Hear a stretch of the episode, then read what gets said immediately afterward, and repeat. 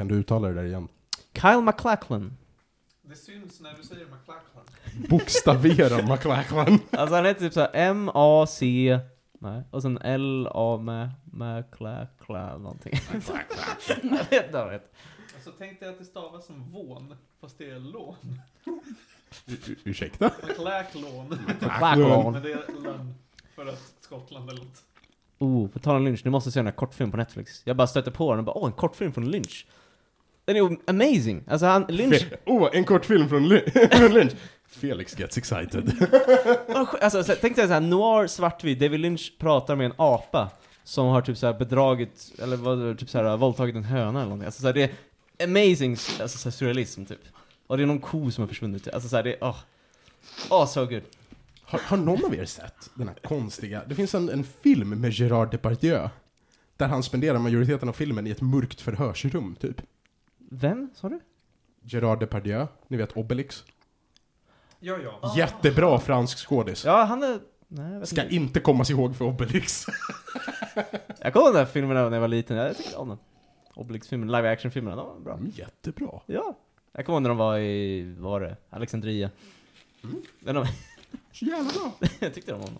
Jag tror gillar inte jag har sett live action Asterix och Obelix utan bara Inte jag heller som tur är. Jag, jag, jag vet inte om man kan säga att de är bra nu, men när man var liten, när de bara la in de här fröna och så bara pju, sprang det palmer i hela Egypten typ. Ja, helt fantastiskt. Bra grej. Ehm, Jag har faktiskt, jag har, tyvärr på grekiska, men jag har alla eh, utgivna Asterix Obelix serietidningar. Har du alla? Varenda en. Det är typ, Wow. Originalprinten var typ 35. Jag, jag, jag har också typ såhär fem, sex stycken hemma, blandat på tyska och svenska. Men Jag har alla. De är fantastiska. de är, alltså de är, jag älskar att läsa dem. Det brukar vara min såhär super, när jag åker typ utomlands så bara köpa ett Asterix och Obelix-album, eller Tintin. Ja, nej, men det som Jag ska hände läsa. var, det var, när jag var liten så var det, det var någon så här dagstidning i Grekland som gav ut dem en i veckan. Mm. Och då visste min pappa att jag gillade dem, så han köpte liksom systematiskt varje lördag eller vad det var. Så att till slut så hade vi hela högen hemma. Mm. Lite synd att de är på grekiska, men å andra sidan kan jag inte tillräckligt bra franska, så att eh, det är väl lika bra kanske. Men serietidningar är jättebra sätt att lära sig nya språk. Du får liksom kontexten och så får du texten, och så får du så här försöka fatta. Kontexten. Jo, men visst. Jag har läst eh, Tintin på franska och vad säger, det var inte helt omöjligt att förstå. Nej, men det är ju ofta simpelt språk också. Mm. Mm. Som Tintin är ju två tredjedelar rasism. De är ju inte Det är som... inte så jävla illa. De tidigare Tintin är lite rough, men... Lite rough. Sa Sverigedemokraten. Alla är ju snälla mot alla. Det är bara att de så här, målas ju upp som att de är väldigt primitiva. Men det är ingen som trycker ner någon. Mm. Nej. Indianerna var inte så himla schyssta i Tintin i Amerika. De var elaka. Har ni, på I tal om stand indianer corrected. Och rasism, eh, och Asterix Obelix. Har ni sett den här? Det är ju samma, jag vet inte om det är de som gjorde Asterix Obelix eller om det är de som gjorde Lucky Luke. Men det finns en sån här fransk serie som heter Obapa, Mm. som har med indianer att göra. Oh pappa.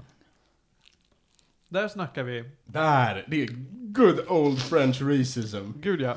Alltså har ni I- sett? Indianpappa heter Obapa, och indianmamma heter Obama.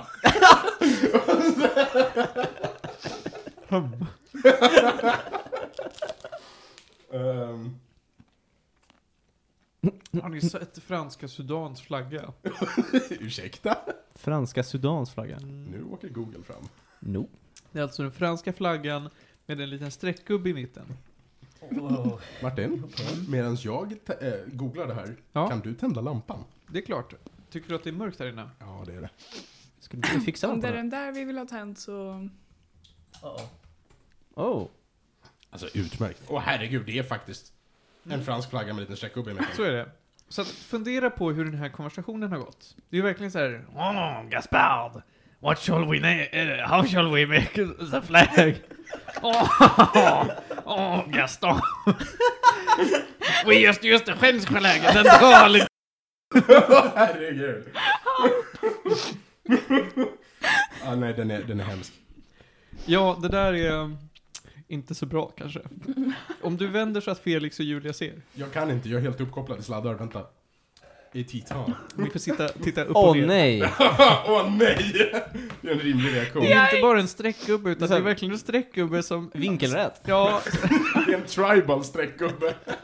men tänk dig att den står och, och ser ut som en, en vad heter de, heter de tan? Nej, det är en, En vad? de här eh, ökennissarna i Star Wars. Ja.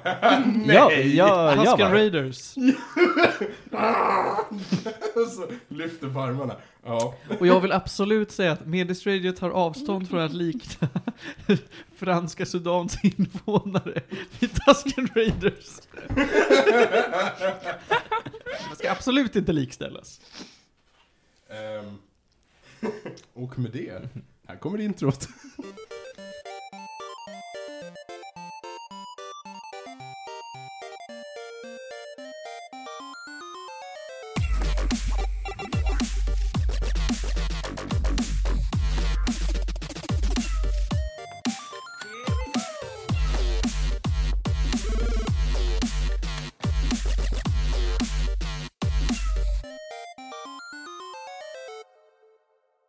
Och varmt välkomna ska ni vara till ännu ett avsnitt av Medis Radio, Trendigt Värre, podcasten om all typ av möjlig fin och ful kultur. Det är en eh, söndag idag.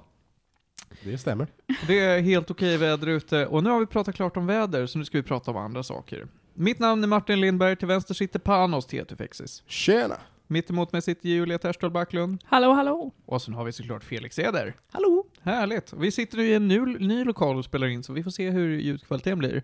Vi har ju flyttat, jag och Julia. Med, med tanke på att våra mickar inte bryr sig om omgivning så tror jag nog det kommer vara helt okej. Ja, det är sant. Vi har ju planerat att spela in på Medborgarplatsen någon gång, så att det borde vara lugnt. Jag ser fram emot när vi äntligen ska göra det en gång. Ja, ja, jag är Sitter faktiskt riktigt taggad på det. Förr eller senare. När vädret tillåter. Ja. Jag vill inte sitta och frysa i Nej. liksom täckjacka och bara Ja, nu ska vi prata om... eh, Iceborne! det blir sommarspecialen. Ja, som en special prata Iceborne. På mediskt. Ah, ja, vad ska vi prata om idag då? Vi ska prata lite om tv-serien The Witcher som vi alla nu har sett klart. Mm. Mm. Eh, och Panos, du har nästan kommit ikapp Felix när det gäller böckerna. Ge mig till imorgon. Ja, det är bra. Alltså jag har läst böckerna i tre år, du läste dem i en månad typ. Två och en halv veckor, men okej. Wow. Wow. Det, det är okej Felix, det är okej. Felix har sett bioaktuella Taika Waititis nya Jojo Rabbit. Yes, det är... Eh, jag är så taggad att jag skakar. Det känns som Taika Waititi tolkar Wes Anderson när jag tittar på det. Det är så, men också lite såhär Mel Brooks-ish, någonting. Ja, ja. Det är, ja, det är en mysig blandning där. Alltså jag har svårt att tänka mig att Taika Waititi kan skriva ett Wes Anderson-manus. Alltså det är lite Wes Anderson-aktigt, men ändå, man märker att det är en unik röst liksom, som pratar. Vi kommer till det. Eh, vi ska prata om eh, Dark Souls 2, som jag har betat mig igenom och som Felix spelade och sen gav upp på. Mm. Och sen eh, har ju det kommit en ny trailer till Final Fantasy 7, Jajamän. remaken. Jesus Christ. Vi behövde Efter fem år. Ja. Eller, när kommer det ens ut? Det är väl snart? Eh, 10 april.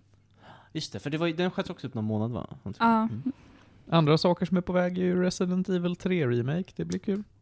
Jag har köpt två nu, ska spela den någon gång. För att jag körde ettan, sjukt bra. Fett Mm. Ska spela det någon gång. Ja, jag har spelat Outer Worlds i typ ett halvår, jag är fortfarande inte klar med det. Har Outer Worlds varit ute i ett halvår? Mm, kom ut i november, nej, november. Ja, men då så. Nästan. Det var bara det jag spelade. Ehm, jag tänkte, vi börjar med The Witcher. Absolut. För det, det är ju helt självklart det stora. Eh, jag, jag vill börja med att försvara Felix. Jag har, eh, alltså jag åker 40 minuter på morgonen och 40 minuter Mhm. på eftermiddagen på en enda buss varje dag. Mm. Och det är där jag har fått in eh, Mm. Witcher-läsningen. Och jag tycker, jag tycker nu, nu har inte, ni har inte nuddat böckerna Martin och Julia. Nej. Jag tycker de är relevanta. Jag tycker de är väldigt relevanta, alltså, speciellt för serien. Precis. För en grej som jag tycker är intressant är att alltså, spelen utspelar sig efter allting, så att spelen är väldigt spoilriga om man inte liksom, vad ska man säga, den spoilar allting ungefär från böckerna. Allt är viktigt typ. Jag, jag, inte bara spoilar de allting, de gör det, alltså de gör det De på ut... ett, Ja, förlåt. Ja, nej men precis, de gör det på ett sätt, alltså de utgår ifrån att du vet vad det som har hänt. Ja, precis. Eh, vilket jag tycker är lite orättvist egentligen. För att jag har satt mig och spelat Witcher 3 nu då. Mm. Mm. Eh, för att innan orkade jag aldrig ta mig in i Witcher 3. Mm. Men nu har jag satt mig, jag har spelat typ 20 timmar in, jag ska precis komma till Skellige. Jag tycker det är ett bra spel om man bara följer storylinen. Mm. Skitkul. Jag tycker inte de släpper tillräckligt mycket och tillräckligt ofta för att man verkligen ska fatta vad som har hänt i böckerna. Det droppas inte tillräckligt mycket hints i spelen, utan de utgår verkligen till 100% för att du vet redan vad böckerna har handlat om. Ja, och Witcher 3 speciellt är typ det lättaste att ta sig in i. Jag vet när jag, jag började spela Witcher 2 utan att läsa, spe- utan att läsa böckerna eller någonting. Och så skulle jag... Omöjligt. Ja, men Witcher 2 i sig är typ omöjligt att fatta vad som händer ändå. Omöjligt. Den, alltså jag kan ju fortfarande inte riktigt fatta vad från punkt A till punkt Ö i Nej, det spelet, ja, men det är ja, såhär, ja, någon har mördat någon och Geralt är, är förklarad skyldig. Och sen är det bara, ja, massa politiker är arga typ. Sen så händer någonting. Men så fort du börjar Witcher 1 så är det så här, du förväntas ju ha läst böcker. Mm. Annars så har du ingen aning om någonting. Jag tycker att Witcher 2 förklarades rätt bra i Witcher 3. För att flera gånger tas det här, du vet, Assassin of Kings-grejen upp. Mm. Och då går Geralt ut och bara uttryckligen förklarar sig. Han bara 'Jag dödade ett monster, punkt' Mm. Och det är det. Och jag tycker, jag tycker att de gör det, de gör det bättre i Witcher 3. Det är bättre Ja. exposition av handlingen i Witcher 3 än det i Witcher 2. Men jag tror också det är därför Witcher 3 var så lyckat, för att det var lätt, hyfsat lätt att ta sig in i. Witcher 1 var jättesvårt att ta sig in i. Jag spelade, jag tror inte jag hade läst böckerna jag spelade. Jag fattar fortfarande inte, det känns som att handlingen där spelar typ ingen roll. Jag, jag vet inte, handlingen i Witcher 1 är jättekonstig. Mm. Ja. Och sen också, nu har ju, vad heter han nu, Andrei Sapkowski, han har ju aldrig erkänt spelen som en er, liksom, kanon så att säga. Så de är ju typ, vad ska man säga, fanfiction-ish liksom. Om man Men det kollar är bra fanfic. De är jättebra. Men det är inget, jag vet inte om man ska säga det som det officiella kanon liksom i spelen. I alla fall, serien. Serien, ja tack. I, I korta drag då, Mm. så är ju serien i grund och botten boken The Last Wish. Och Plus Sword of Destiny- lite lite- till. Lite så det där. Ja. Mm. Det är ju liksom, Okej. för, att, för att det är de här två böckerna som är short stories, Mm. Som Mm. utspelar sig innan huvudserien med böcker. Precis. Okej. Och det kommer originellt från att Sapkowski skrev ju short stories som publicerades i tidningen. Jo. Eh, de här var ju liksom inte novellsamlingar från början, så han släppte böcker om The Witcher. Och de här short stories som jag tycker, alltså, jag tycker nästan att det är de bästa av böckerna, för jag tycker verkligen att det är jättekul att läsa de här short storiesna. Man får bara följa Geralt på små äventyr med sina kompisar. Men, Mm. men poängen med det här, poängen, det jag ville komma till, Mm. är ni som inte har läst böckerna, hur tycker ni att tidskontinuiteten är i säsong 1? Alltså, Det är inte jättesvårt att fatta att Nej. det är tidshopp Mm. galore. mm, det var, jag blev spoilad på att det var så här för att jag har en kompis som tittar på serien innan mig och som hade läst alla böcker typ tre gånger innan han Mm. började med serien. Så han varnade alla liksom såhär, ja ah, men det kommer vara tidshopp bara så ni vet. Så jag visste det, så när jag såg vissa karaktärer bara, ah, okej men det här händer då troligen inte direkt efter.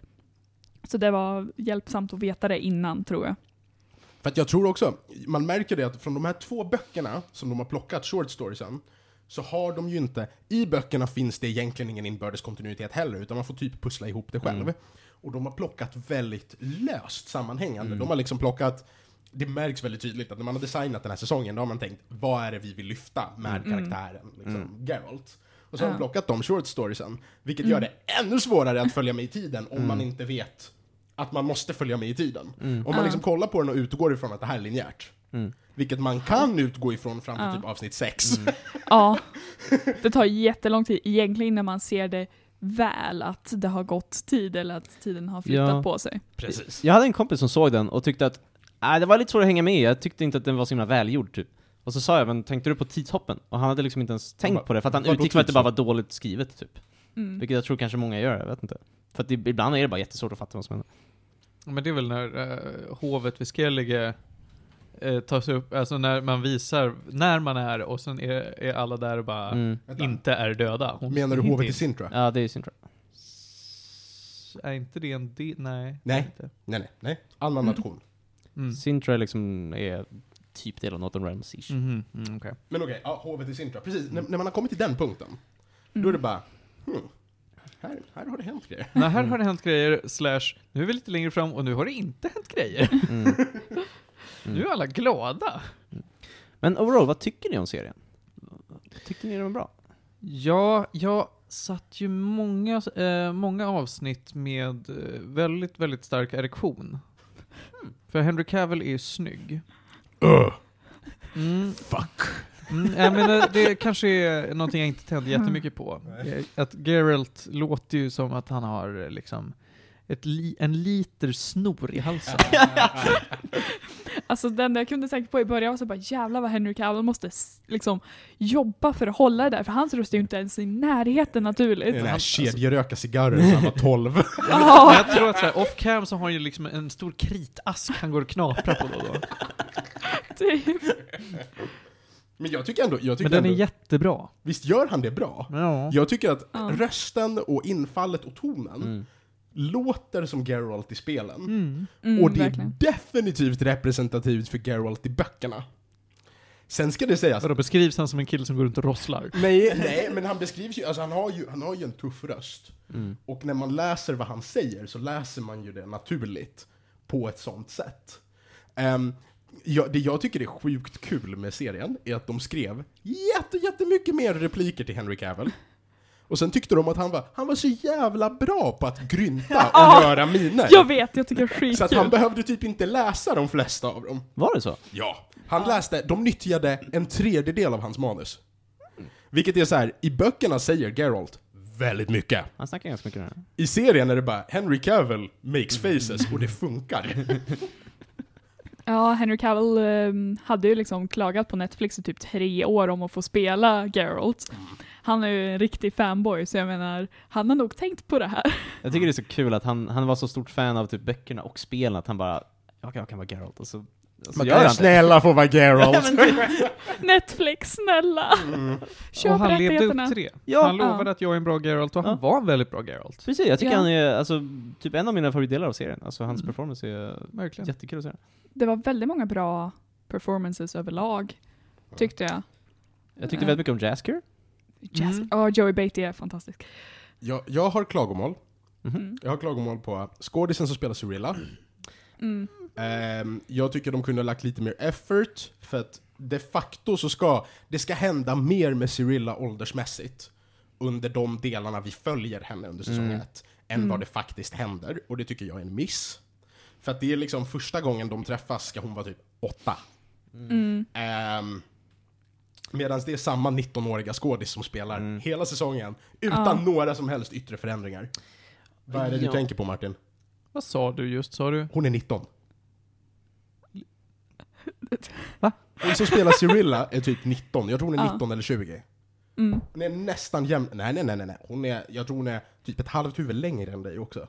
Eh, hon är typ lika lång som hon som spelar Jennifer egentligen. Mhm. Så att, så att den, här, den här tjejen är inte ett barn. Och jag, tycker det, jag tyckte det märktes för mycket. Ehm, men jag förstår också att de kanske inte ville skaffa tre olika skådisar för samma Ja. karaktär för Mm. en säsong. Samt att Ja. använda barnskådisar kan vara jobbigt liksom. Att de inte alltid är så bra. I USA är det praktiskt omöjligt. Ehm, Ja, det också. Mm. Men alltså mitt problem nästan med serien mest, jag tyckte hela Sirius storyline var ganska, eh, jag vet inte, jag tyckte inte den var så välskriven och det kändes som att, för att Siri är ju inte med knappt i de första böckerna. Det känns som att det var väldigt såhär, ah, vi måste ha Siri, inte tjohornat, men jag vet inte, jag tyckte aldrig att det passade så bra. Jag tyckte alltid de andra storylines var mycket mer intressanta. Ja, och grejen är, grejen är så här, de kommer fortsätta producera det här. Mhm. Och de kommer Mm. komma till delarna av böckerna där Sirius storyline faktiskt är, där hon är huvudpersonen. Och då kan hon få ha mer utrymme. Mm. Jag tyckte också, jag tyckte det var delarna med Geralt och delarna med Jaskier som var det absolut bästa Mm. med Ja. säsong ett. Mm. Definitivt. För att det är liksom den dynamiken man har vant sig vid Mm. att försöka hänga med. Alltså det, ja, nej. Ja, det, det var också mina favoritdelar. Men, alltså precis, för Siri har ju en extremt viktig del, alltså, men hon blir ju väldigt mycket större senare i böckerna liksom. Men nu, jag vet inte, alltså jag förstår att de kanske ville ha med henne, för att de skulle kunna valt att inte ha med henne alls i serien, och liksom introducera henne Mm. senare, men jag förstår att de liksom vill börja tidigt liksom med det. Men jag tyckte att allting de gjorde i Broccolon var såhär, eh, jag vet inte, jag tycker inte det gav så mycket. Just ja, de var i precis. I typ två avsnitt. Broccolon var såhär, eh, Det känns som de var där och så var det så här, du ska dricka vattnet och så, nej! Nej. nej. Drick inte vattnet. Jo, drick vattnet. Nej. Mm. Och sen så drog de. Ja, jag kan säga, alltså det finns så här, det finns typ fyra gånger så mycket bra material med saker som händer med Geralt i Broccolon. Säger du Mm. Geralt? Geralt, Geralt, det spelar ingen roll. Det spelar verkligen ingen roll för det är polska. Lycka till! Jag skulle kalla honom Gerald om jag fick. Ge- Geralt. Ja, men det är det Gerald. man, I Sverige så säger, säger man Gerald. Ja, det är man. Skitsamma. Eh, Siri skådisen är 18. Ja, det ser du, hon är ändå för gammal. Ja, jag menar det. Hon, jag hade lätt kunnat tro att hon var 14. Jag har en fråga till er. Hur gammal är Geralt? Som person? Eh, Alltså, Han är Henry, Henry Cavill eller? Inte Henry Cavill. Nej, alltså Geralt som person är väl 80? Ja, ungefär. I början av Mm. eh, serien, när man ser honom liksom längst tillbaka i tiden, är han typ 80. Ja. Mm. Och när spelen börjar är han typ 100. Ja, Mm. jo men det är ju rimligt. Mm. För att Siri ska vara vuxen. Ja, men, men jag tycker liksom inte... Jag tycker det här är en sån här grej, oavsett var i median du letar efter det, så förmedlas det aldrig klart och tydligt. Det finns ett segment i Witcher 3, där Vesemir säger någonting om att du är typ ett, ett, alltså, 100 år gammal. Ja. Det är ju inte ens kanon. Nämns aldrig i böckerna Mm. hur gammal han är? Så att vi vet ingenting om det här. Det är lösa antaganden baserat Mm. på ett spel som inte är erkänt Mm. material. Men står det ingenstans i böckerna att Witchers lever långt? Det står att Witchers lever långt, Mm. men långt för en medeltida europeisk värld kan vara 60. Ja, det är sant. Mm. Och, och vi vet så här. Vi anar på ett par ställen att han är jämngammal med Jennifer. Och Jennifer är typ 100 år. Mm. Men för att veta det måste du gräva i wikis som också typ utgår från spelen. Mm. Mm. Det finns liksom ingen, ingen klar kontinuitet som kan svara på hur gammal Geralt är. Nej, och det är väl okej. Alltså så här, visst, han, han kan vara någonstans han kan ju vara allt från 100, om vi tittar på en icke-kanon, till att han i böckerna kanske är i 40-50 års åldern. Men är det bara jag som tycker att det här är en sån här lucka de borde ha täppt på något sätt? Men det är väl upp till För författaren. att han är ju den absolut mest intressanta karaktären. Men måste vi? Det Det kan väl vara så...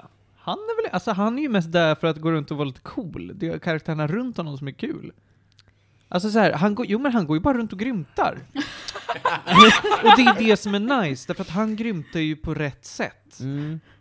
Han är en spegel Ja, han är en för spel. de andra Ja men ungefär. Han, han är lite av en sån här Mad Max-roll, att han bara går runt och så hittar någon situation som byggs runt honom liksom. Han är liksom spel, eller tittarens liksom vägledare på något sätt. Och det är inte så att man bara inte bryr sig om honom, han är ju inte platt på något sätt. Mm.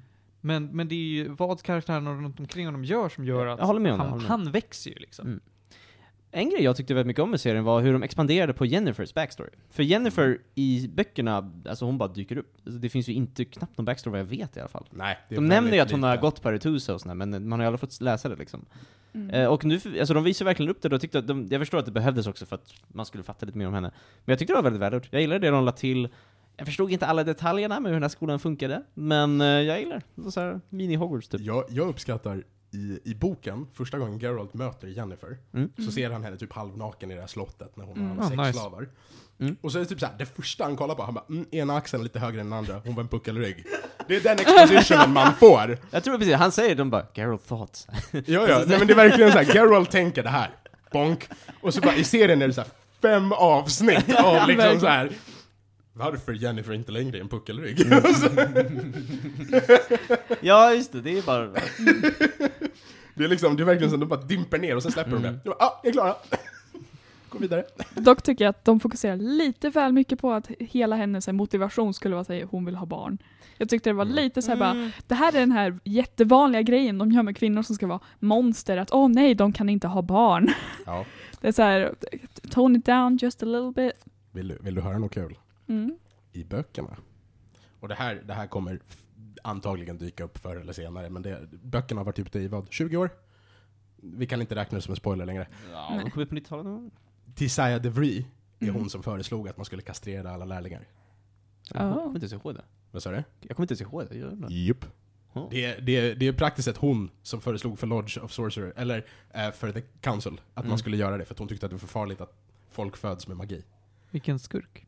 Jag vet. Det, är så, alltså det, finns så mycket, det finns så mycket djup i de här karaktärerna som inte har synts än i säsong ett. Mm. Mm. Vilket gör att jag hoppas på, en till, på, alltså på mer. Mm, ja men det, på kommer redan 2021. Det gör det. Ja, de har börjat spela in tror jag. Ja.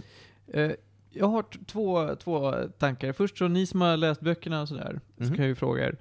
Jag spelade ju dem i ordningen tvåan, ettan, trean. Gjorde också. Ja, det, jag tycker fortfarande, står jag för att jag tycker att tvåan och ettan inte håller. Tycker tvåan är ett jävla skitspel. Alltså, jag som bara har spelat del av trean, det är liksom, man behöver inte ha tvåan och ettan vad jag har hört. Nej, fast i, så här.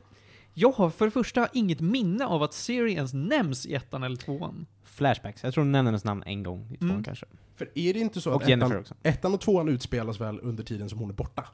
Mm. Eller hur? Hon kommer Ja. tillbaks i trean. I trean, ja. Men Och då är den så jävla viktig. Mm. Alltså Och Jennifer, Jennifer- Bix... Ja, precis. Ja. Ja. men det är lite till och från eh, att hon, hon nämns ju. Mm. Men det är ju fortfarande så här, eftersom att ettan börjar med att Geralt har tappat minnet, Mm. så eh, dyker ju mest Jennifer upp och bara men vad fan, vi är ju basically gifta, kom igen nu grabb. Vilket gör att jag i spelen inte köper henne alls som någon typ av eh, romance option, men här är det ju väldigt tydligt att, i serien då, att eh, Geralt och Jennifer har ett, ett kraftigt eh, Mm. kärleksfullt Ja, alltså det finns ju drama vissa, typ, det finns ju speciellt ett quest i Witcher 3 mellan Jennifer och Geralt som Mm. direkt kopplar in till Last Wish-storyn, som är liksom, de har, jag tycker att de visar upp det på ett väldigt coolt sätt om man har läst böckerna liksom. Så. Mm. Men eftersom att det i spelen görs lite hattigt, så i min värld så är ju Triss det enda rimliga kärleksintresset för Geralt. Okej. Men i den här serien så målas hon ju inte upp särskilt tydligt. Hon har inte så mycket interaktioner Nej. med någon. Men Triss är inte med så mycket i böckerna. Hon är alltid liksom den här typ, eh, hon verkar vara någon slags stora syster till Siri typ på något Mm. sätt i deras här, förhållande. Hon är bara där ibland liksom. Vi vet att Geralt har legat med henne. Men Geralt har väl legat med de flesta? Ja. I princip. Mm. Nej men det, det är alltså, om, om man ska bygga romansalternativen i, i spelen, Mm. så är det, det är literally att det nämns typ tre gånger i alla böcker. Att någon gång har det Mm. varit något litet romantiskt Mm. mellan Geralt och Triss. Mm. Mm. Och Jag tror- Jennifer nämner det för att typ reta honom. Ja. And that's it. Så Mm. att hon är verkligen, alltså definitionen av en sidokaraktär. Mm. Hon I så bara- fall har jag ingen anledning att klaga på hennes performance i serien, men jag tycker att hon är med för lite och hon gör för lite kul. Mm. För jag tycker om henne som karaktär, från spelen då. Mm. Men det får jag köpa helt enkelt. Ja, jag tycker det var många grejer som var liksom halvdant gjorda. Jag tyckte inte Foltest var så himla bra i serien. Eller, alltså han i böck... F- Foltest är okej. Alltså jag vet inte, han har alltid varit som en ganska, han ska alltid varit som en ganska cool kung. Han var så himla tråkig i den här serien, jag vet inte. Men, han Va- var va- väldigt liten. Vad tycker ni? Vad tycker ni? För att de har ju väldigt uppenbart varit lite frikostiga med eh, folks hudfärger och eh, lite... Mm. Jag tycker inte de gjorde det dåligt. Mm, Det är inte så här nämnvärt dåligt. Att Det var liksom, väl den här karaktären känns fel. Precis. Alltså på samma sätt Nej. som att folk har klagat över kläderna och deras inspira- inspiration från olika århundraden och moden och hej och hå. Hej. ja, alltså, men jag, jag tycker inte det påverkar Va- va- på vad något har, sätt. Du, vad har du för klagomål, Julia? Alltså, många är bra. Jag gillar inte Jennifers kläder genom serien, typ majoriteten av dem, för jag tycker att hon känns mycket som en så här bara åh, jag fick äntligen ha på mig en fin klänning för prom på high school liksom. Mm. Eh, cirka 2012. Så just hennes har jag svårt med, men eh, alltså annars så bryr jag mig inte så mycket om att det är lite annorlunda århundraden eller något sånt. Men just hennes är lite för moderna för min smak. Mm. Så. Men jag tycker inte att det spelar någon stor roll, och det är det med, Mm. med vilka man har castat heller. Att så länge de är duktiga skådisar så, ah, vad fan det är fantasy, det får väl vara lite så. Jag håller med. Ja. Jag, jag tänker så här att hade de sprängt in eh, mörkhyade skådespelare i Fan Lord of the Rings hade jag inte haft något problem med det heller. Jag hade snarare varit så här, men det hade varit kul, kanske. Det kanske hade, jag vet inte om det hade tillfört någonting om det hade varit mer kvinnor eller om det hade varit mer eh, folk av olika etniciteter, men jag är inte emot det bara för att vara emot det. Jag tror också, när det just är fantasy så är det liksom inte så noga tycker jag. Liksom. Nej. Det är liksom, ja. Men, uh, vad heter det? Jag tyckte alltså så här, mitt problem lite grann var att det var, serien var liksom inte så himla stabil med kvaliteten. Jag tycker ibland till exempel var kostymen och setsen jättebra. Ibland var de dåliga. Mm. Ibland tycker jag actionsekvenserna var jätteväl koreograferade, speciellt första avsnittet. Verkligen. Och sen är de jättedåliga ibland. Så jag vet inte, det känns som att det var väldigt ojämnt på något sätt i kvaliteten. Jag vet inte, det störde mig lite grann. Har ni, vi- visst är det här en sån serie där det är olika människor som har regisserat Ja. varje Det är avsnitt? typ Ja, två så pers, eller vad säger jag, det är typ varannat, alltså två, vet du, varje person har gjort två avsnitt. Typ. Jag har, känner igen namnet Favreau. John Favreau. Han har inte gjort... Nej, han det- är John Favreau är Han Mandalorian. är Mandalorian, ja. Det är därifrån jag får namnet. Nevermind. Det är Eh, någon svensk Charlotte? Brännström Mm, Charlotte Brännström. är med och regisserar. Två Och sen ett par andra. Mm. Och sen är det olika människor som skriver avsnitten. Ah, jag tror inte alltid samma. Nej, det är det inte, utan det är rätt många olika som har Mm. skrivit avsnitten. Jag tycker, jag, tycker så här, jag tycker det märks att avsnitten är producerade av olika människor. Jag tycker också. Men jag tycker inte de har gjort det dåligt. Jag tycker de har gjort det jättebra. De har verkligen knutit ihop säsongen. Mm. Ehm, även för att, för att de har liksom hållit tonaliteten i scenerna. Mm, Och mm. jag, jag tycker det är jämnt. Mm. Jag vet inte, jag, jag är skeptisk till att göra ett sånt val. Vadå? Ja, men jag, jag tycker att det är någonting som puts the whole thing at risk, att ha olika människor som... Men det är så Skriver jävla och- och- trendigt just nu. Jag vet, men jag tycker inte det är någonting som gynnar det på något sätt. Det Alla finns på, alltså, serier jag tror att, kan vara antologier. Nej, Nej, okej då. nej, så det är så. Jag tycker att det är alltså så här, fine att det kanske inte skadar serien. Men jag tror inte det finns någon risk att det gör serien, eller chans att det gör serien bättre. Utan snarare bara en risk att det kan bli sämre. Mm. Best case så är det okej, och det är det här.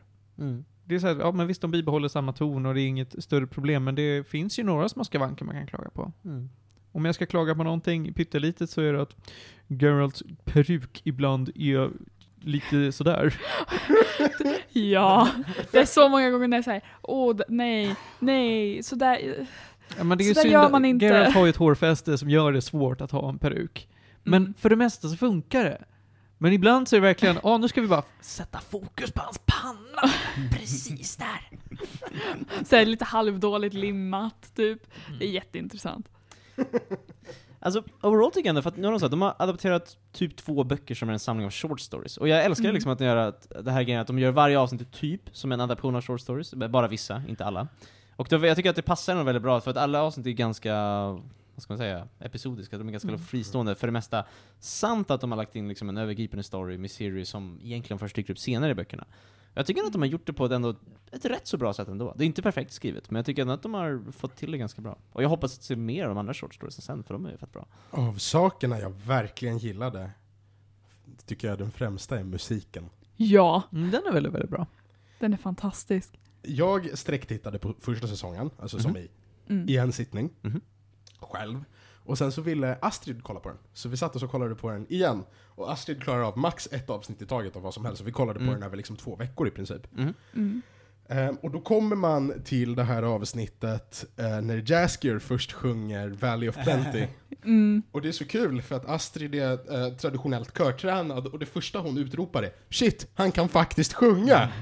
och, det var, och då slog det mig att herre jävlar vad bra vissa av de här musikstyckena är. Mm. För att när man konsumerar hela serien på en gång, då är det liksom Mm. bara en del, en del av det. Mm. Men sen så sätter man sig och bara lyssnar på det och bara Wow, här, här har någon, någon, har- någon har satt sig och jobbat på musiken. På riktigt. Ja, eh, Joey Beatty kan ju även spela eh, lyra också, vilket jag tycker är lite kul. Så att han spelar ju faktiskt Ja. på riktigt till eh, låtarna han sjunger. Det var faktiskt, jag, Mm. jag såg en intervju med honom, han sa att det var ett av grejerna att han blev castad, för han kunde spela lyra. Det var inte Ja. så många som kunde göra det. Helt jävla rätt.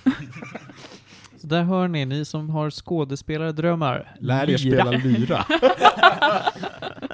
Eh, tillbaka till att jag hade en fråga till, Ja. till er som har läst böckerna. Eh, och framförallt då för att styra upp en grej mellan spelen och serien. Mhm. I ett av avsnitten så ska ju Geralt spöa på någon, fan är det? Någon, är det en prinsessa som har...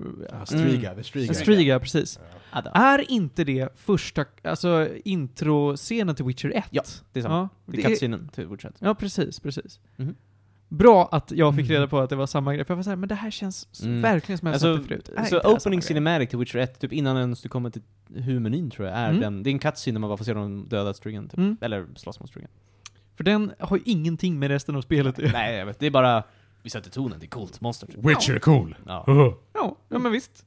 Så att, bra, äntligen. Det här har vi någonting som Mm. binder ihop spelen med serien. Ja, och det är också den absolut första short storyn av alla. Det är det första som publicerades Aha. någonsin. Den heter bara The Witcher, och det var liksom det som släpptes först liksom. Ja men det Så. känns verkligen som, som en egen short story. Den, Den är, men den är väldigt simpel, de bara Hämta en Witcher, ska döda en Striga. Ja, precis. Det Det här är är, det som mannen. Det är hans jobb. Mm. Mm. Mm. Och så är det bara walking away into the sunset. Det är, Ja. Mm. Ja men visst, det är lite spagettivästern.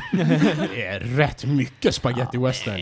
Är det inte jätte... Jag tyckte det var kul ändå att se liksom alla de här grejerna, för att typ Butcher of Blaviken, alla så här namnen man känner till, så bara Ja, nu typ folk vet vad det är, även om man inte läst böckerna liksom. Det är fan, det är så mycket spaghetti western. Han, han, är, han, han lever med sin häst, han är Mm. otvättad, han lämnar aldrig ifrån sig sina vapen. Det är liksom... Ja men det handlar inte bara om honom och vad han gör på sin resa, utan det är även det större dramat runt omkring. Sånt har man inte i en spagettivästern per se. Mm. Nej, jag vet. Men det finns absolut western-element. Ja, absolut. Mm. Men jag skulle kalla det här för en spagettivästern-serie. Nej, inte, inte renodlat. Mm. Nej, det Absolut skulle jag inte. snarare säga att om du jämför det här med Mandalorian som vi nyligen har pratat om. Mm. Den är ju... Där följer man ju bara Den är bara en... Mando. Mando. Nej, ja, absolut, absolut. Det är inte en renodlad spagettivästern. Nej. Eh, vad, vad tyckte ni om den här? Jasker kommer ridandes, Geralt fiskar. Vad är det för fel på det? I can't sleep. Det tyckte jag, jag tyckte det potentiellt är den absolut det är weakest story, alltså så här grundande Mm. scenen. Jag- jag tyckte den var- av avsnitten. För att jag stör mig på att i short storyn så är det ju bara typ att de fiskar typ, eller? De ska his- Han- fiska, bara, bara fiskar. de ska fiska frukost typ, och så bara ah kolla vi hittar den här grejen. Jag tyckte det är så mycket rimligare! eller hur? Och sen i serien var det ju typ, jag vet inte vad de gjorde, de bara vi kan inte sova så jag ska Nej, nej, nej. gräva i sjön. Jag kan inte sova! Ja, nej men typ. Så Så, vad gör du? Jag letar efter en magisk lampa för att lösa det. Men, s- sov. ja. Jag håller med, jag, det, ja, det var, men det är vissa så här Det små var detaljer, bara. Alltså det var så weak. Det var så här, vad händer? Ja. Det var ju humor i det. Ja. Men åh, Men de gud vad weak. Åh. Och så, så här vindögd också, så här, tittar verkligen. I can't sleep. Man bara, Ja. Ja. Sucks to be you. Ja, nu känner jag att vi har pratat Witcher gott och blandat och vi är ju generellt sett så tycker vi om den. Gäddor. Mm. Det, det, det här är, innan, innan gäddor tycker Mhm. jag att det är intressant, för tydligen är kritiker har verkligen inte uppskattat den. den här serien. Mm. Men frågar du vem som helst som har tittat på den för att de är intresserade av The Witcher som fans, så tycker ju alla att den är skitbra. Och, Men, på ja, men vi ska ju tillägga att det är inte helt, helt ogrundat att panna den i egenskap av kritiker. För om din kompis till exempel, som inte hade så mycket Mm. koll, Mhm. den tyckte väl inte att den var jättebra? Den var lite dåligt gjord. De flesta jag pratar med som inte är bekanta med Source Material tycker att den är okej. Den Mm. är ganska bra. Om, man, om man är av den där skolan som tycker att Marvel är inte filmer, Mhm. då kanske det här inte är någonting man kan uppskatta. Mhm. Bara tycker kritiker att Marvel inte är filmer? Nej men du vet, typ. Vissa. Alltså, Scorsese. Jag, jag tycker bara det uttalandet, det Scorsese-uttalandet har blivit en meme för Ja. så här Mm. gammaldags gatekeeping, typ. Men, Mm. men poängen, är, poängen är att det finns ju självklart människor som inte är kapabla att uppskatta den här. Mm. För att Mm. Den erbjuder inte jätte, jättebra Mm. filmmaking, den erbjuder Men annat. sen är det också typ, Ja. min pappa såg den här helt själv, han hade aldrig, vet ingenting om Witcher, och sen bara Nej, den var bra, jag tyckte om den. Och så frågade han mig om den var datanimerad eller inte. Jag bara, va? va? Du, du bara, ursäkta? Lite CG måste det väl ändå vara? Ja. Kan det vara så? Det var, det var någon, någon har jag hört som klagade på det, tyckte att draken var jätteful. Den var ganska ful. Eller, det var, det var Det var okej. inte en drake. Det Ja, det är en typ. wyvern. Ja. Nej, det, nej, nej, Det är nej, en det är en, drake. det är en drake. Det är en Det drake. Ja. Nej, Alltså- den har ju bara två ben. ja, men Nej, det är i, en drake. det är s- Three, three Jacks Book Draw, eller vad han heter. Ja. Han heter ju så. Det är en drake. Three Jackdaws. Ja, Three ja, alltså i serien är en drake, men alltså Det är inte en drake. fysiologiskt sett så har de inte en drake på scen. På scen. Ja, På scen. drakar, definitionen av drakar är fyra ben och vingar. Jag hade den bara, Mm. jag kommer inte ihåg det. Hade Den den har bara... två Den ben är- och vingar. Okej, det ska vara i böckerna i den drake. I, Ja, i, visst. Alltså de säger att det är en drake. enligt Witcher-canon är den här en Nej. drake. De Ja, hade exakt. budget constraint. Vi kan bara animera en. En Vi vibe. animerar bara två ben. Draken kunde varit en kvinna, men det är svårt att animera kvinnor. hörni, hörni, hörni, den här draken kommer bli dyr. Ja, vad, vad kan vi kapa? Vi, vi kan kapa frambenen. vi, vi kapar frambenen. Okej. Bara Sänker kostnaden med 60%. Alla applåderar. Mm. Ja, nej men eh, det är ju synd att kritikerna har pannat det här och jag förstår ju att det är ett svårt universum och ett svårt medium att ta in för att först har du short stories som du måste knyta upp själv. Mm. Sen har du en serie som baseras på short stories där allting inte kan täckas in och där allting Mm. liksom är gjort för att det ska vara tilltalande just för, i filmformat. Mm. Och sen har du spel som lite löst bygger på saker och sen gör sin egen jävla kanon. Precis. Och sen är det också underligt för att Witcher främst, främst har ju liksom blivit populariserat genom spelen. För att Mm. liksom spelen, böckerna började översättas till engelska efter spelen kom ut. Den senaste boken översattes typ 2015 eller någonting. Mm. Alltså så här, det är liksom det är ju underligt att det här liksom, böckerna var ju inte så kända innan det här liksom. Så att sälja hela Witcher-grejen nu är det är underligt, för det är så här, folk bara 'Var ska man börja? Det finns så mycket Witcher' liksom. Jag vill ändå, jag vill ändå säga Man det. börjar med att lära sig polska. Mm. Ja, exakt. Steg ett. Polish. Ehm, det är inte jag, polski. jag, gillade, jag, gillade, jag gillade verkligen att de kallade honom Jasker i serien.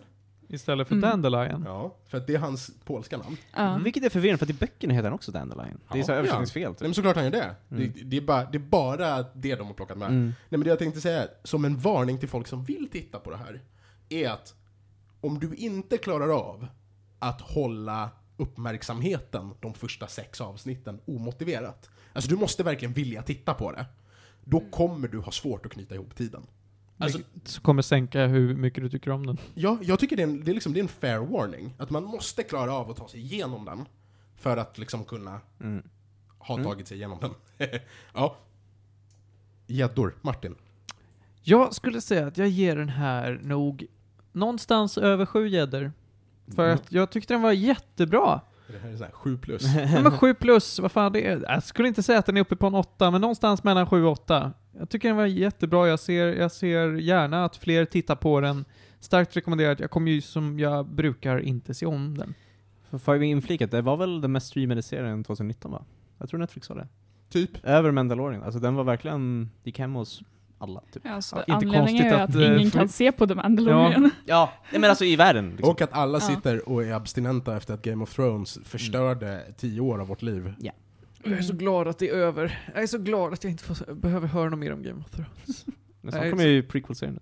Ja, men jag tror inte den kommer, eh, alltså, kommer nå samma höjd. Julia? Jag skulle också säga 7 av 10 gäddor. Fjärde. Samma, sjua. Inte en jättestark sjua. Jag tyckte den var väldigt bra. Jag är väldigt taggad på säsong två och hoppas att de gör den bättre. Det finns jättemycket mer de kan utforska liksom, karaktärer. Men för nu, Jag hade sagt en sjua, men sen satt jag mig och började läsa böckerna och nu tycker jag det är en åtta. Mm, men det förstår så? jag. Mm. Alltså om, om du känner att eh, böckerna gav dig ett mervärde för serien, sure. Nej men ja, och sen om man har kommit in i böckerna så inser man också att de verkligen får med sig vissa av de riktigt bra sakerna. De har liksom valt väl i vad de har plockat. Och det tycker jag gav ett mervärde. jag vill fortfarande säga Nivellen. Ursäkta? Nivellen, jag tyckte det var synd att han inte var med. Det är den här björnmannen. Jo, jo, jo, jo, jo. jo. jo, jo. Jag är också väldigt glad att jag spelat så mycket Gwent, för att namn är ju svårt. Mm. Och det är, så här, det är så många namn som jag bara, ja, jag vet Mm. vem du är för att jag har spelat Gwent och jag vet hur ni Eh, hör eh, ihop. För att Exakt samma faktiskt. Jag har en kompis som aldrig spelat Witcher-spel men är jätteinne på Gwent. Och sen såg serien och bara ah, det här är ju Gwent-snubbarna liksom. jag kan det där. Wow, vad bakåt! Verkligen. Det- här kortet Ja. gör det här. Jarpen Sigrin, ah, den där snubben. Ja. Ja, ja, precis. När ni har pratat nu om Lady of the Lake, jag bara, that's a card. Att det är det, det är Ja, jag vet ingenting mer om Lady of the Lake än that's a card.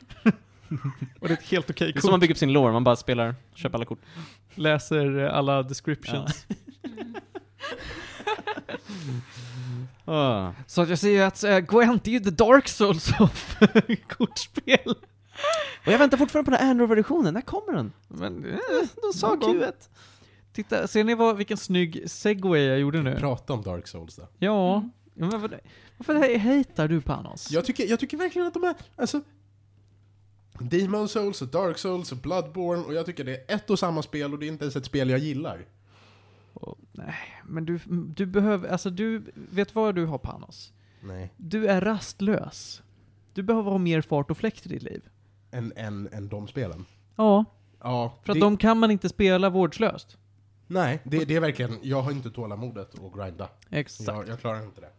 De spelen bygger ju på tålamod nästan. Du måste lära dig att bygga upp ditt tålamod för att palla spelen. Ja, Mm. det är nästan så att du måste förlora för att lära dig att vinna Mm. i de spelen. Det är typ det det är. Eh, vi har ju pratat Dark Souls tidigare.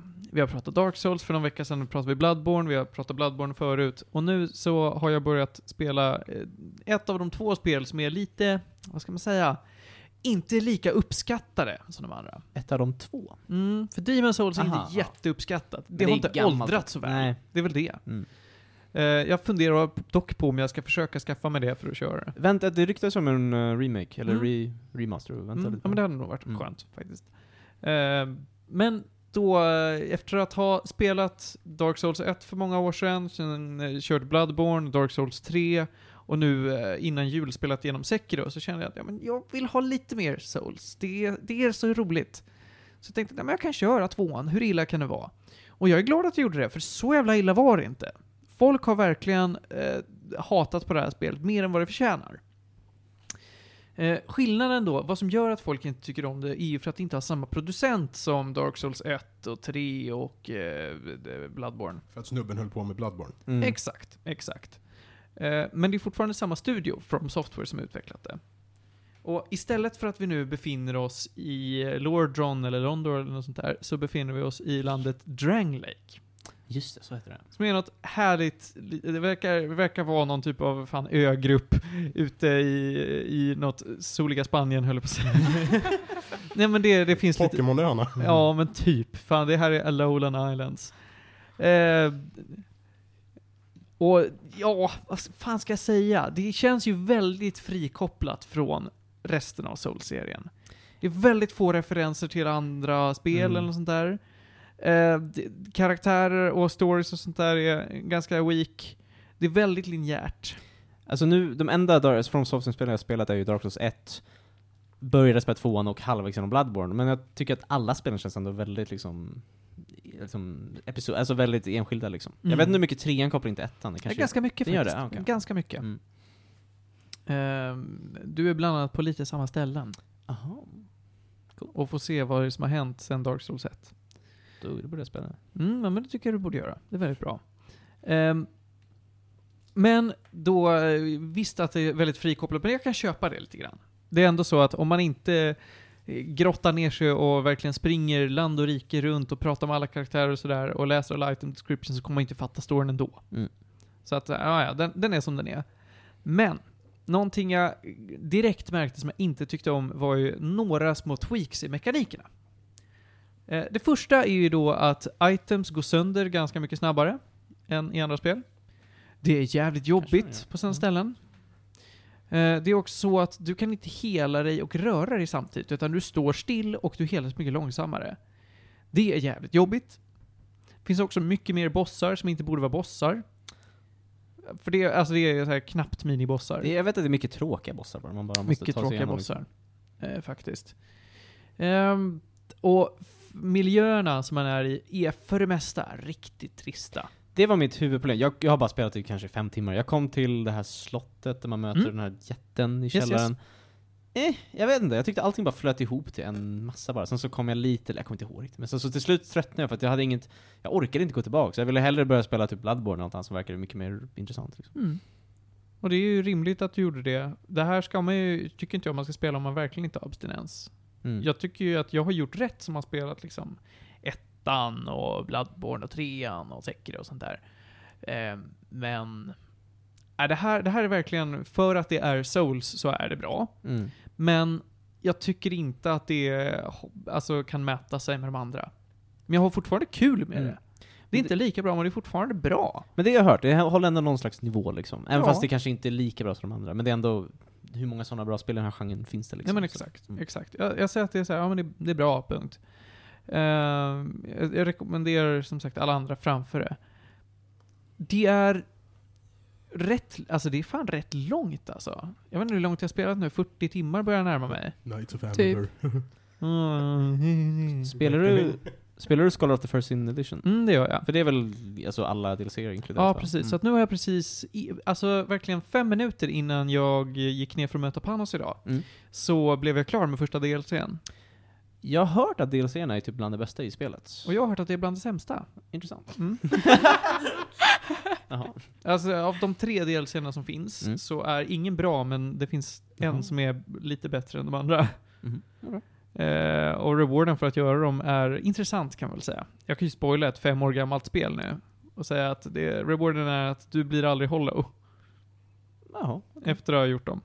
Utan du fortsätter att vara människa, och det är ju kul. Ja, det var ett grej jag inte gillade så mycket med tvåan, men det kom jag direkt från ettan, att när du är hollow så har du halvt liv bara eller någonting. Ja, Det hade de inte i ettan, och jag tyckte det var så irriterande. Det är jätteirriterande att de har lite, det är lite samma tänk som Sekiro, att de uppmuntrar dig inte att dö många gånger och lära dig av det, utan varje gång du dör så sänks ditt max Mm. Lite grann Och det- till en viss gräns. Precis, och jag tycker ändå så här, filosofin med de spelen ska vara att du ska kunna dö väldigt mycket och du ska bara bli motiverad att fortsätta. Men att man hela tiden tappar max-HP var såhär, man ska gå och fixa något item som tar bort det. Och det var bara jobbigt, det var så här, då var det jobbigt att dö. Det är typ det minsta man vill. Exakt. Och det var det jag klagade på i Sekiro också. Är Att det så jag? Ja, att, att om du dör för mycket så ehm, får du vissa debuffs. Det är inte så att ditt max HP sänks. Nej, okej. Eh, jag kommer ihåg i alla fall i början när du började spela Dark Souls 2 så var det ju väl, verkligen så att du blev one-shotad efter ett tag för att det var så här, ja ah, men Ja, Mitt max-HP är dött. 50% av mitt vanliga HP. Mm. ja. Och göra? just i början så var det väldigt brutal med det. Mm. Känner jag. Nu verkar du klara dig bättre. För du Ja, är därför mer jag van har också. så, alltså det går ganska lätt nu i Mm. endgame att göra sig själv mänsklig igen. Mm. Men jag har ju inte Mm. råd att göra det i början för att, fan, jag har inte så många items. Mm. Och det du säger också om att det är mindre, eller att det är mer linjärt. För det var, alltså Dark Souls 1 är fortfarande ett av mina favoritspel, liksom. jag älskar det spelet. Men, och det jag älskar- nästan älskar mest är world designen, alltså hur icke-linjärt det är. Och jag tyckte också tvåan var verkligen, det bara gå rakt fram. Och så hittar du en bonfire så kan du teleportera tillbaks. Alltså, så det var liksom bara, det var som bara kör på. Och jag tycker Bloodborne har lite det också. Alltså jag tycker Mm. fortfarande Dark Souls 1 är det enda som är verkligen riktigt liksom, icke-linjärt. Du kan gå Mm. lite vad som helst. Ja, Men jag håller med om det. Jag tycker Bloodborne är lite väl linjärt också, Mm. men det, det gör inte mig allt för mycket. Mm. Mm. Här är det verkligen så att, Det kändes väldigt linjärt liksom. ja men det känns väldigt linjärt och jag tycker inte att spelet lotsar dig på ett fint sätt genom den här linjära miljön, så att det misslyckas lite på båda fronter. Lite Duke Nukem. Ja, men typ. Final faktiskt. Fantasy 13 vet jag har samma problem. Dock någonting som jag vill slå ett slag för, som jag tycker är intressant, är eh, vissa items man kan plocka upp som är optional att använda i vissa områden. Det är, vad kallas de för? Pharaohs Lockstones och Branches of Yore. Eh, Lockstones an, eh, används för att sätta in på vissa ställen för att aktivera någon typ av mekanism. Ibland är det så att du, du låser upp en dörr och bakom den så är det en kista. Mm. Ibland så kan det vara att du tänder lampor i ett rum. Mm. Eh, och jo, Branches of Yore tar och avförstenar förstenade människor eller monster. Ah, jag kommer inte ihåg väldigt mycket förstenade grejer i början Mm. Och det är i princip aldrig liksom tvunget att använda. Jag tror att det är ett ställe man måste, eller några ställen man måste använda Branches of Yore. Mm. Men det är ju bara sånt här som du kan välja att hitta för att göra det lättare för dig. Mm. Men du måste inte. Och du kan också säga, måste ju hushålla med de här, för att de kommer inte i ett överflöd. Så att du måste välja, ja, men när vill jag göra det lätt för mig? Och Mm. det tycker jag är kul. Mm. Det tycker jag är någonting som funkar bra i ett sånt här spel. Att, Mm. nej, men när, nu har jag jätteproblem på det här stället. Mm. Men som tur är så erbjuder de mig ett sätt att kunna göra det lite lättare. Mm. Men det betyder att jag inte kan göra det lättare Mm. för mig någon annanstans. Så att jag vet inte om det är värt att göra. Men sådana där grejer är väldigt kul. Vad jag minns också var att de hade, det var väl lite mindre fokus på Estus som är på de här life gems, Ja, eller, i alla fall i början. Precis, det är som i Bloodborne ungefär. Ja, att du har precis. Det- olika items som kan hela dig. Ehm, och det är ju nice, för att jag tycker man får... Det är väldigt konstigt hur eh, ens Estus Flask uppgraderas i det här spelet. Mm, du kan det göra det minns jag. 12 gånger, och det är väldigt lite i början, sen går det jävligt fort Mhm. någonstans i mitten. Mm. För jag kommer från Dark Souls 1 är det ganska simpelt liksom. Du har fem, sen kan du få tio, och det, du, du fylls på varje gång. Mm. För jag hade svårt att ställa om mig till Bloodborne sen att du började liksom hålla på och farma det på något sätt. Men, olika. Ja, här kan du ju om du vill farma eller köpa life gems. Mm. Som då helar dig mycket långsammare, men det finns ju ingen begränsning på hur många du kan ha. Mm. Eh, folk i regel har ju varit lite så här on and off. Vissa tycker att ja, men det känns skönt att inte vara så begränsad av Estus. Och andra tycker att det är så här, "Ja, men vad fan.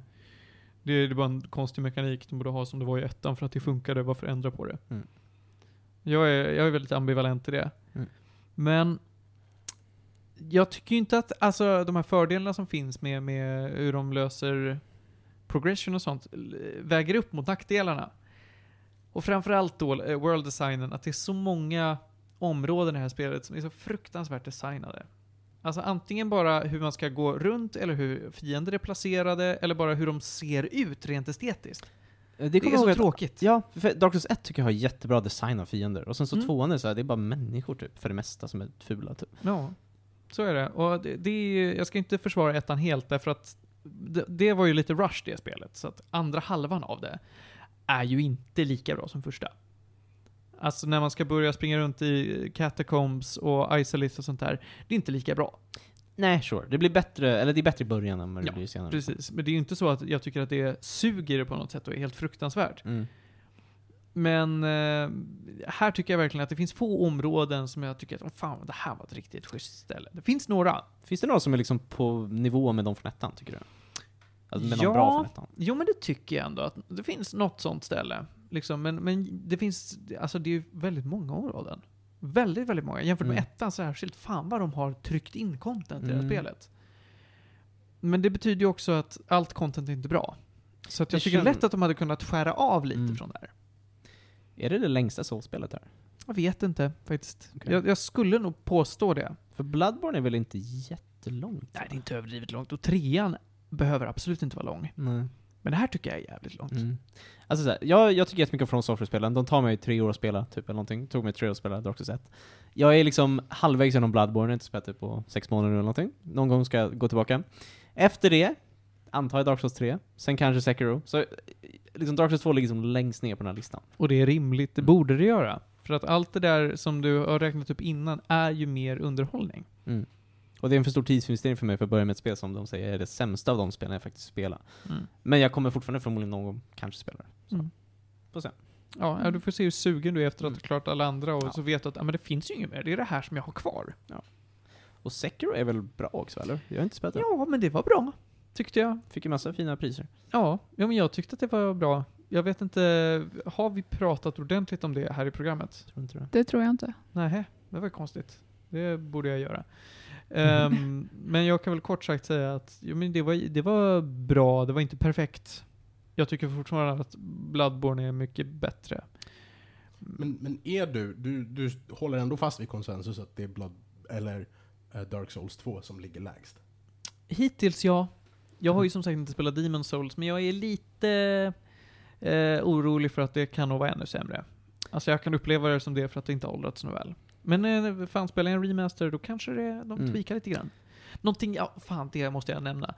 Eh, hit detection och eh, vad heter det? Alltså invisibility frames i det här spelet är fruktansvärt. Jag minns det, att det var väldigt oschysst när man dog, typ. Otroligt Mm. oschysst.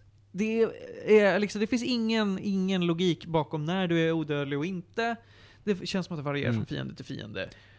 Och det är ju det absolut värsta med de här spelen, för de här spelen har ju liksom något slags rykte av att de är schyssta, det är svårt, men det är schysst. Och när det inte är det, då blir man bara irriterad. Liksom. Vad har de för rykte av att de är schyssta? Därför att det känns hard men det är rimligt. Alltså det är så här, det, du, det som slår dig och dödar Mm. dig, det är alltid ditt eget fel. Mm.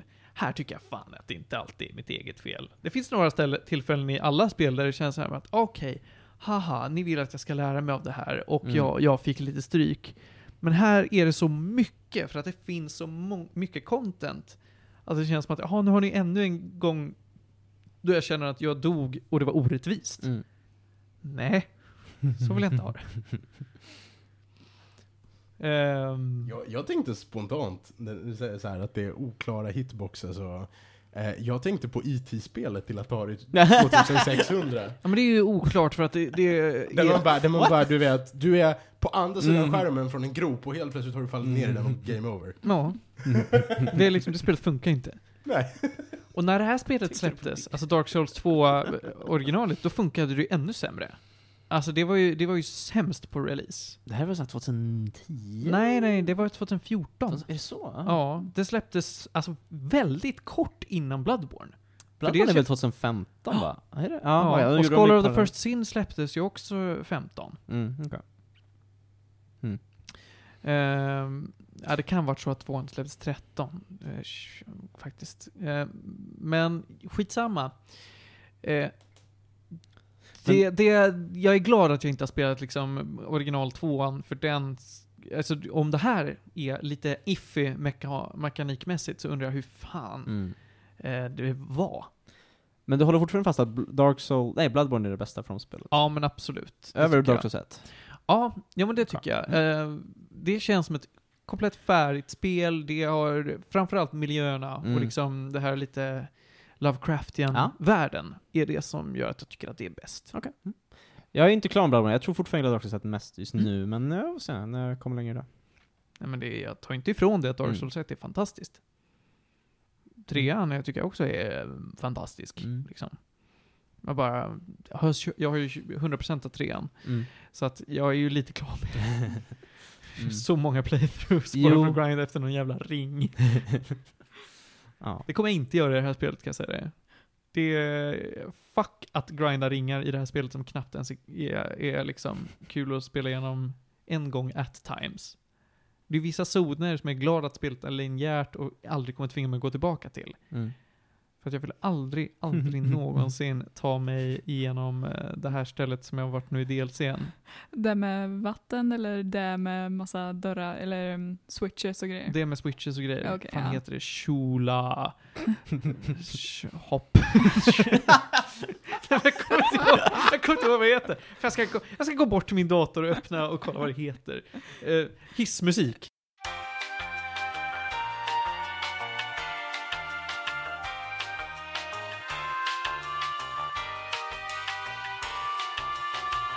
Alltså jag var ju inte långt ifrån, det var Shulva. Sanctum City. Shulva City. Shulva Sanctum City, alltså komma. Mm. Så det är Shulva, st- staden Mm, där mm, allting är trevligt. Men det är Nej, inte vänta, Det är trevligt. inte sak, samma sak som eh, Alla har switches. Sanctuary. Jag vet inte vad Sanctum är, är inte det så här typ mittpunkt? Jag kom på en grej med Souls 2 som jag ogillade. Ja. Musiken i det här Ja, man hänger den Den var så där. tråkig. Jag bara, Men hubbstället i regel är så jävla tråkigt. Men- jag gillar den i ett Firelink, va? Firelink Shrine är är ja. mysigt. Den är okej. Jag tycker absolut inte att den väger upp till treans Firelink Shrine. Oh, oh, är det med? Ja, det är klart ja, det är ja, med. för fan. Den är ju mycket bättre. Fett taggad. Ja, jag får ta mig in dit. Och jag tycker att Bloodborns, fan vad heter den nu då? Det Eh, Old Hunter's, Dream. Ja, den är rätt bra också. Den är bra för Mm. att den är så liten liksom. Mm. Den, den gör jobbet. Mm. Men eh, för han Majula, som det Ja, heter. det är så. ah, Ja, är fan trist. Men grejen är, man behövde gå dit för att levla också, vilket var jobbigt. Ja, men det måste man göra i Hunter's Dream också. Det är och i, och i Firelink Shrine i, i Dark Souls 3. Oh, måste är man det bara ettan man kan levla på alla bonfires? Så är det. Jag tror inte ens att du kan levla i Demon Souls på vissa ställen, utan där tror jag också du måste gå tillbaka till hubbvärlden. Mhm. Ja, ja, ja. Det är bara Dark Souls att de inte har en hubb på det sättet. Nej, precis. Det är, ja, den är väldigt öppen på det. Då så, men jag känner att jag pratar klart om Dark Souls 2. Jag tycker fortfarande att det är bra. Men det är inte lika bra. Vill du ge den gäddor? Ja, jag är inte 100% klar. Jag har inte spöat Ah. sista bossen och jag har två DLC kvar. Mhm. Men jag säger väl att den får ändå... För att, som spel, om jag inte kopplar den till någonting annat, så säger jag ändå att ja, men den här är nog en sån här... mm, Närmar sig sju gäddor från en sexa. Ah, okay. Ja, men alltså det, jag skulle säga att den är väl kanske 6,8, säger vi. Mhm. Det är spelvärt. Men jämfört med de andra så är det ju liksom lägre. Mm. Du ska ju lägga det här sist, för att det inte är viktigt för någon av Mm. de andra spelen. Så om du verkligen vill ha mer efter att ha Mm. spelat alla andra From Software-spel, kör det här. Mm. Och där är jag klar. Vi går vidare och pratar lite film. Mm. Äntligen. Mm. Sälj mig den här filmen ännu mer än vad trailers och sånt redan har sålt mig. Ja, okej. Nu har jag varit igen på Tellus. Jag har äntligen sett uh, Jojo Rabbit. Vad det alltså du såg den på Tellus? Jag såg på Tellus Mm. förra söndagen. Cool. Jag har väntat på den här filmen i typ, jag vet inte, mer än ett år tror jag. Jag har varit, alltså så här, det här är regisserad av Taika Waititi, som jag har sagt fel på förut. Eh, han är faktiskt en av mina nya favoritregissörer. Jag har liksom sett, nu har jag sett alla hans filmer. Um, Det var bra uttalat. Ja, hur många, Taika. Taika Waititi. hur många filmer har han gjort då? Jag tror han har gjort typ sex eller sju filmer. Det är Ja. inte så många. Och de första två är väl okej. Eagle vs Shark och Boy. Men, ja. De är, de är okej. Men från och med What We Do In The Shadows, superbra documentary och en jättebra serie också, om vampyrer. Jätterolig. Uh, Hunt for the Wilder People, också en jättebra film, rekommenderas. Sen gjorde han Thor Ragnarok, fortfarande en av mina favorit Marvel-filmer. Eh, men jag vill nog nästan säga Jojo Rabbit är nog min favorit från han har gjort tror jag. Och eh, det här är en typ, dels är det en komedi, för att den har så här absurt liksom, koncept att du får följa en pojke som är Hitlerjugend, han är ganska ung, hans bästa kompis är Hitler, så han har en låtsaskompis som man hänger med liksom, som spelas av Taika Waititi. Uh, och han är jättebra på att spela Hitler, det är jättekul att se. Och det låter ju som en gimmick, men hela storyn bygger kring det. Att det, liksom, det här handlar om en pojke som växer upp, där han liksom, det här handlar liksom om hans, vad ska man säga, lite av hans värderingar, men också så här, han är ju växt upp att se att Hitler och nazister, de är väldigt, de är väldigt bra, kolla allt de gör för oss liksom, de är jätteschysst. Och de är, jätte- han är jättetaggad för att vara med och slåss och liksom kasta knivar och grejer, alltså så här, det, eh, det, det liksom, den är en väldigt upplyftande film med att den är så här, han är jätteglad pojke som bara så här vill liksom, jag vet inte, han vill bara göra rätta för sitt land på något sätt liksom. Och det visar sig alltid upp ur hans perspektiv.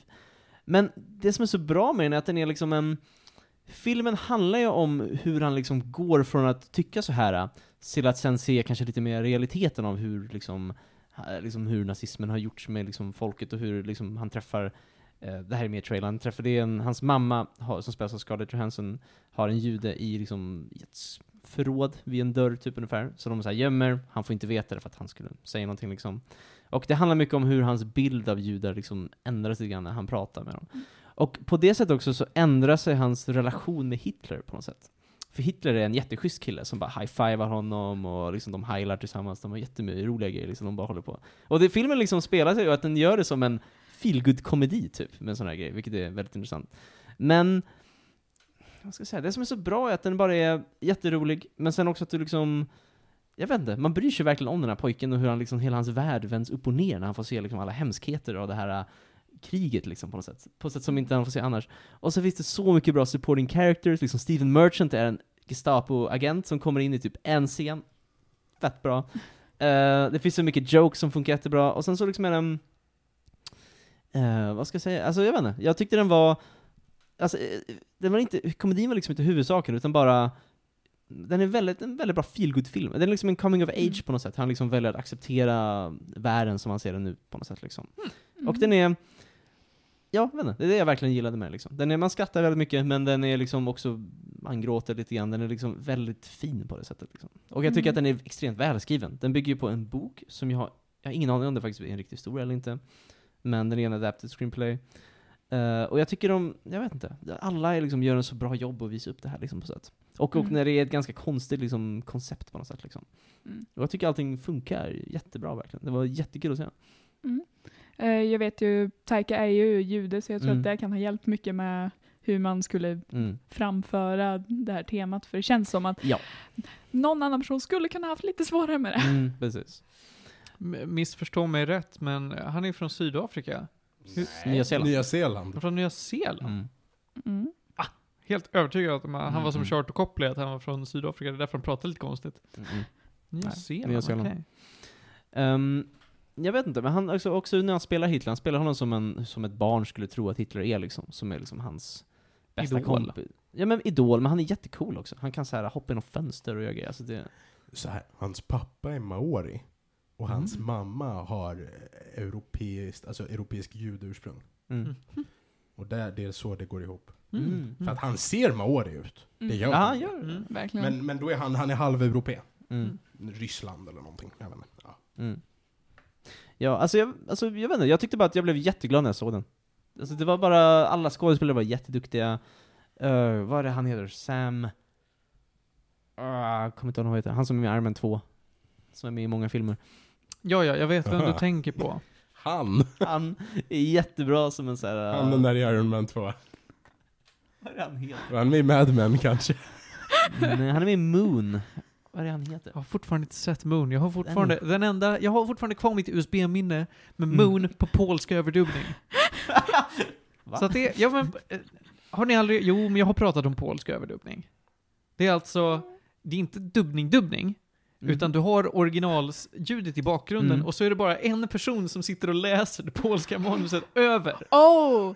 What? som de brukar göra när de översätter grejer på TV, typ när någon eh, blir intervjuad som inte kan Ja. engelska, typ. Tänk er ungefär när man tittar på Nintendo Direct och man hör att de Ja. pratar japanska och så är det någon som läser ett engelskt manus över. Det, men på polska. Varför skulle du se det? Och en hel spelfilm. Det är fruktansvärt. Varför skulle du vilja se det? Men det, det är så de gör i, fan, i stora delar av Europa. Alltså det är jättemånga länder mm. som jag inte vill nämna vid namn som gör så. Ja. Ja, alltså jag har, vet inte hur mycket mer jag ska säga, jag har bara, jag starkt rekommenderar den och jag vet inte. Den, jag vet, jag såg den med min familj, vi alla trodde det skulle vara så en kul komedi, men alla var ganska gripna i slutet, det var liksom så här en väldigt så här äh, mysig film på något sätt. Vilket är konstigt att säga med liksom vad det handlar om, men inte, man mådde väldigt bra att se den liksom. Det, jag tyckte alla, alltså Scarlett Johansson är jättebra i den. Uh, jag tror hon blivit nominerad för både den här och Marriage Story. Ursäkta, va? Nej, alltså jag tänker bara efter de här fiaskorna som är Ghost in the Shell och liknande.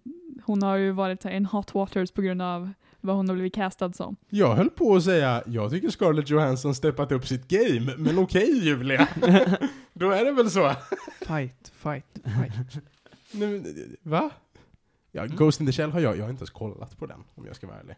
Har du sett den Julia? Eh, jag har sett delar av den. Jag såg hela. Den gick ju på, den fanns på Netflix. Mm. Så jag såg hela ett svep. Den var inte så bra. Den var... Mm, mm. Jag har inte sett Ghost in the. Shell. Visst är det också en gammal Det är film? en Den, anime, eh, ja. Det är en anime och en, är en film och en serie tror jag? Det är en serie Mm. också? En serie efter, filmen är original. Okej, ja. Mm. Jag har inte sett någon av dem, utan det här är första kontakt med Ghost in Mm. the Shell jag har. Och jag, så här, ja, jag ser ju att det här har varit en anime eller en, en film av något slag och den, den här var ingen bra. Mm. Scarlett Johansson är ingen bra. Ingen är nog bra. Mm. Jo, The Bad Guy är ganska bra. Mm. Arg. Eh, men i alla Vill fall, du ge Jojo Rabbit några gäddor? jag ger den en åtta. Mm. Det kan nästan bli en nia kanske, jag vet inte. Den är en väldigt stark åtta. Men... Du har sett om den sådär 18 gånger. Ja, precis. Jag får se den lite mer. Men jag tycker bara att den är så, jag vet inte, jag blir så glad när jag ser den bara. Jag, var så här, jag är glad när jag tänker på den typ. Det är liksom, och jag vet inte vad pojken heter som spelar huvudrollen, men han är jätteduktig och han är väldigt liten, jag, jag vet inte. Men eh, han gör liksom superbra jobb i den här filmen. Alla gör ett jättebra jobb typ. Så, eh, nej, jag vet inte, absolut, se till att se den. Den är liksom, ja, var jätte, jättebra. Cool. Ja, ja, men nu har det gått så pass lång tid så att vi får ta och avrunda dagens avsnitt. Eh, jag ska säga tre snabba. Jag, jag vill höra om den här trailern. Ja, Ja. förlåt. Du har ju sett en trailer. Um, Final Fantasy 7, de har ju pratat om det här sedan typ 2015, 2011. De har pratat om det här spelet sedan 2008. Okej. Mm. Va? Eh, 2008. Eh, nu har de släppt en officiell trailer. Eh, för att den ska ju släppas nu i april. Och ehm, jag vet många som spelade här um, Final Fantasy 7 när den kom ut, eh, som inte jag, för jag var inte ens påtänkt då. Wow! det var 97, okej? Mm. Mina föräldrar hade typ precis träffats. Ehm, Barn. Ja, precis! Aj! jag väntar på det Aj! där. Var det check? check hade själv dött av det uttalandet. Tänk Fortsätt. såhär, Johan Käck kunde haft egna barn när du föddes. Wow. Eh, I alla fall. Eh, det är många som säger åh nej men de har ändrat på ordningen av hur grejer händer. Eh, jag spelar ju sjuan väldigt mycket senare. Så jag hade ju lite blivit spoilad till vad som händer och så. Och jag tror att det är en bra idé att de ändrar ordningen på eh, hur saker händer. För det är ju en så här stor grej med det, är så här, the identity crisis of cloud och whatever. Och den här verkar inte vara lika stort från trailern. Um, och jag tror att det kan vara en positiv grej bara för att göra något nytt liksom, för det här spelet är ändå gammalt. Så. Visst är det här första delen bara, eller hur? Det är inte hela spelet som släpps va? Eh, ja, de kör episodic Ja. som eh, originalet var, men det är bara två Jaha. episoder. Men det är liksom typ tre år emellan, alltså vet vi hur lång tid det kommer ta? Till nästa del? alltså, Tanken är väl att båda ska släppas i år. aha, aha, i år båda? Men, men då kan vi egentligen förvänta oss att du hänger på låset och spelar det och berättar om det blir Jo, jo, för det låter ju din plånbok. ja, vi får se om jag kommer ha råd med det. Vi fixar grejer i lägenheten. Ja. Yikes. Men vi Eh, har ett Playstation i alla fall. Ja, det har vi. Vi har två. Vi har två Playstation, vi kan spela i stereo. Är det Ja. bara PS4? Eh, ja, den är exklusiv. Eh, Vi I kan- alla fall i ett år. Ni kan Mm. offra ett Playstation till någon av de här stora cloud computing databankerna i Harvard som Mm. räknar ut primtal. Ja. Men jag har en fråga. Mm. För att förstå det här spelet, måste jag se Kingsglaive?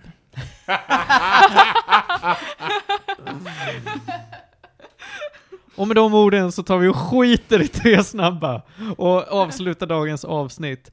Ha en fantastisk dag allihopa. Tack så mycket till Panos, Tack, tack. Felix Tack. och Julia. Tackar. Och så hörs vi igen nästa vecka. Puss och kram och nyp i stjärten.